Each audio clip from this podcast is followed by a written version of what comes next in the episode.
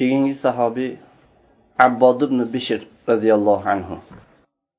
Oysha onamiz ummul mo'minin roziyallohu anho ansorlardan uch kishi bor. Ularga fazilatda hech kim ulardan oliy bo'lmagan uch kishi bor dedilar. Ansorlarni hamma fazilatda komil bo'lgan ulug'lardan shu uch kishi bor dedilar. Ularning bittasi sad ibn muoz usayd ibn hudayr va abbod ibn bishr dedilar. Abbod ibn bishr bu nabaviy da'vat tarixidagi eng porloq ko'ringan yuzlardan zotlardan. Agar abbod ibn bishrni siz ibodat qilganlar ichida izlasangiz u kishi qanday ibodat qilgan ekan deb u kishini doim kechalari qoyim turgan qur'onni juzlari bilan kechalarni o'tkazgan taqvolik pokiza bedor bir diyonatli kishi ekanligini topasiz. Agar jang pahlavonlari ichidan u kishini izlasangiz qaytmas.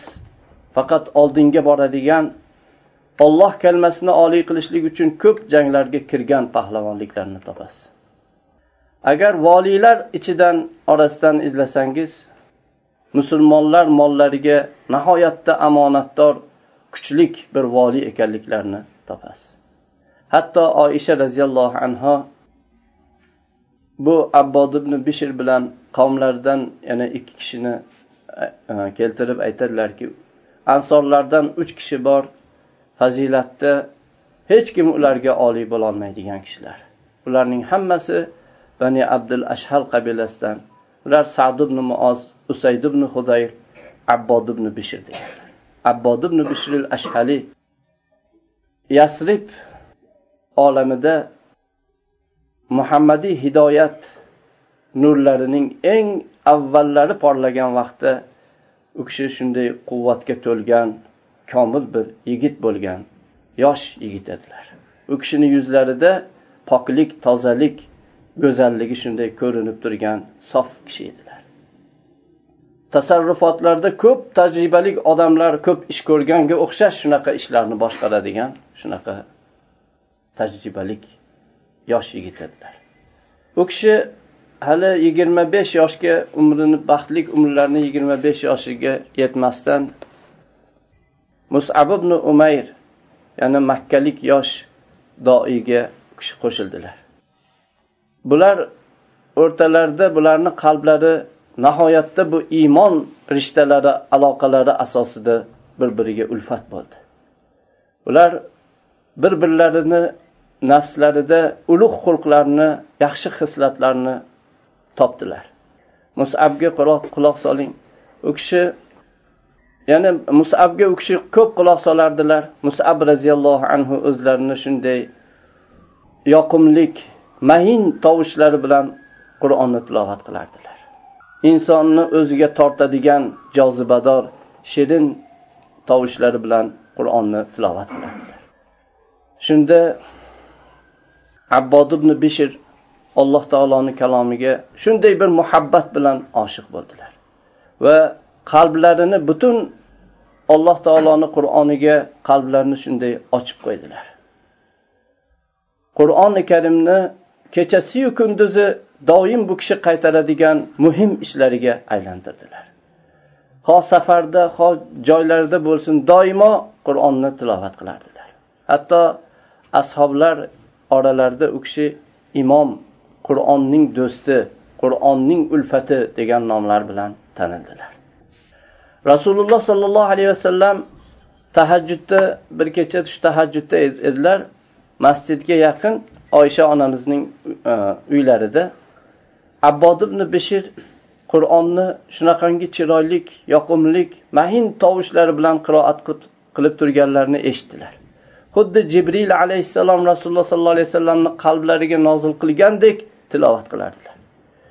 Shunda aytdilarki ey oysha bu abbod ibn bishirning tovushidir tovushimi dedilar. Oysha onamiz ha yo rasululloh dedilar. Rasululloh sollallohu alayhi vasallam allohimma mag'firlahu dedilar.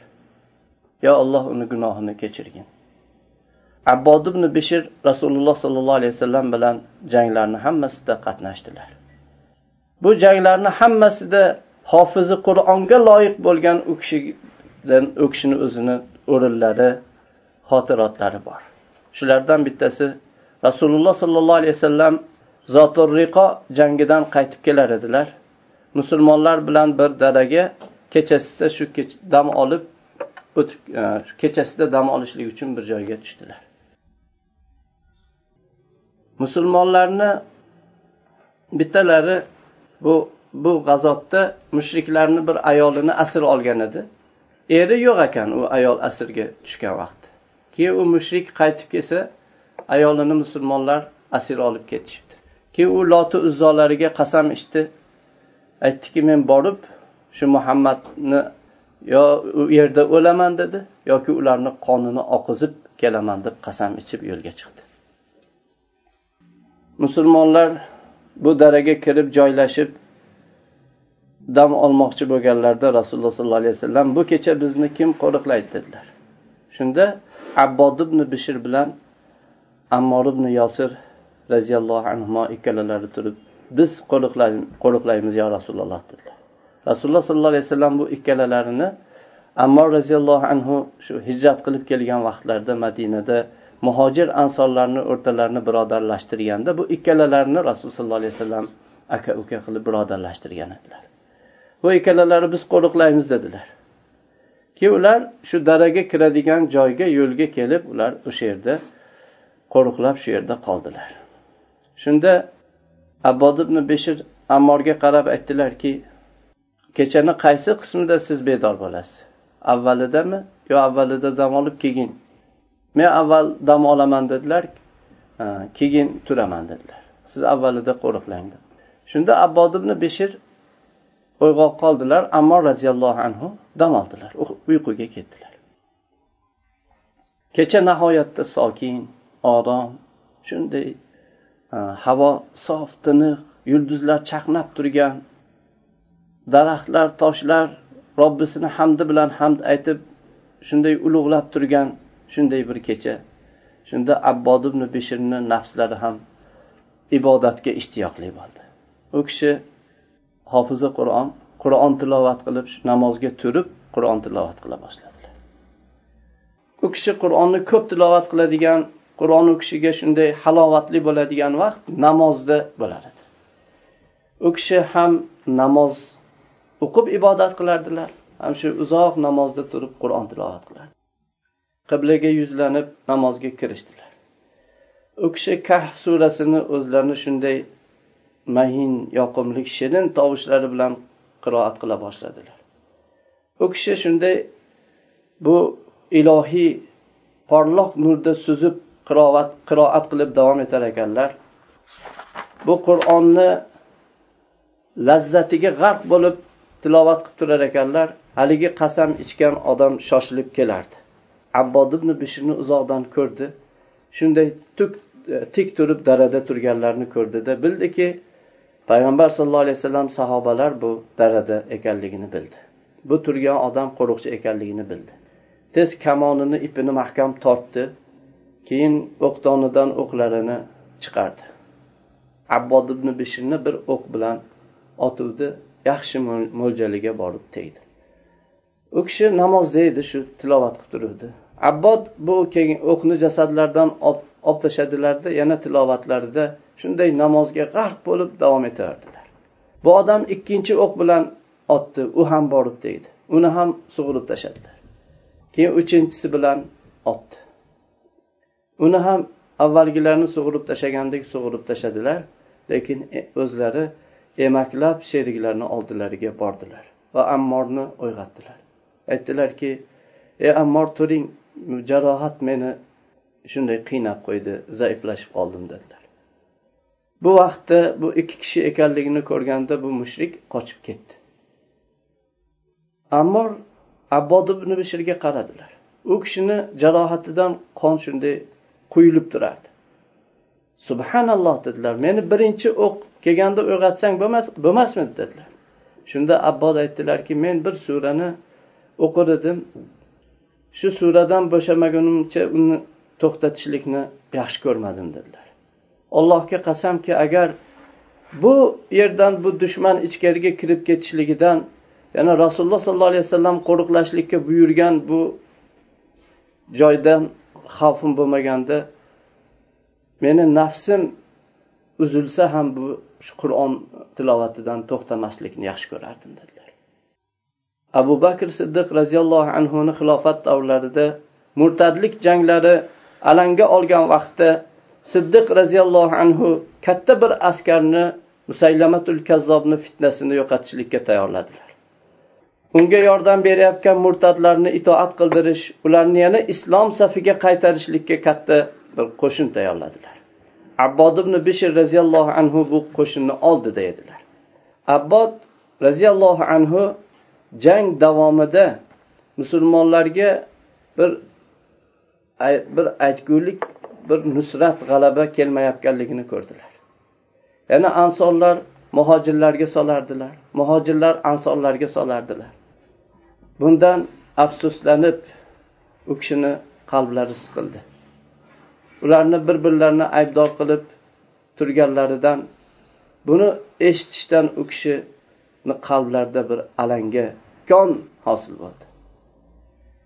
Bunday jangda musulmonlarga g'alaba. Ikkala tarafdan ham ansor muhojirlar tarafidan o'zlarini mas'uliyatlarini his etishlik bilan shu mas'uliyatni ko'tarishlik bilan keyin e, g'alaba kelishligini yaxshi bildilar. Va har bir mujohidlar haqiqiy sabr qilguvchi bo'lsalar bu haqda tursalar keyin g'alaba kelishini bildilar. Keyin bu yerda qat'iy jang bo'lib o'tgan kechada abbod ibn bishir tush ko'rdilar. Tushlarida shunday osmon ochiq yorug'mish yana osmondan bir eshik ochildi. U kishi shu ichiga kiruvdilar qaytib yopildi. Eshigi yopildi. Ertalab turuvdilar abu said al hudriy roziyallohu anhuga tushlarini aytib berdilar. Abu saidga keyin aytdilarki allohga qasamki bu shahodat ey abu said dedilar. Kun chiquvdi jang yana boshlandi. Abbod ibn bishir roziyallohu anhu yerdan bir balandlikka ko'tarildilar. Va bor ovozlari bilan baland ovoz bilan baqirib ey ansorlar jamoasi odamlar odamlardan ajralinglar dedilar. Qilichni qilichlarni qinini sindiringlar dedilar. Ya'ni ularni odatida arablarda qilichni qinini sindirsa bu faqat o'limni xohlab jangga kirishlikni ifodalardi. Bu nidolarini qaytarishda davom etdilar. U kishini atrofida ansorlardan to'rt yuz kishiga yaqin sahobiylar jamlandilar. Ularni boshida sobit ibn qays baro ibn molik bor edilar. Abu dujona rasululloh sollallohu alayhi vasallamni qilichlarini sohibi. Abbod ibn bishir o'zlari bilan birga jamlangan bu ashoblar bilan qilichlari bilan sayf e, saflarni yorib jangga kirib ketdilar.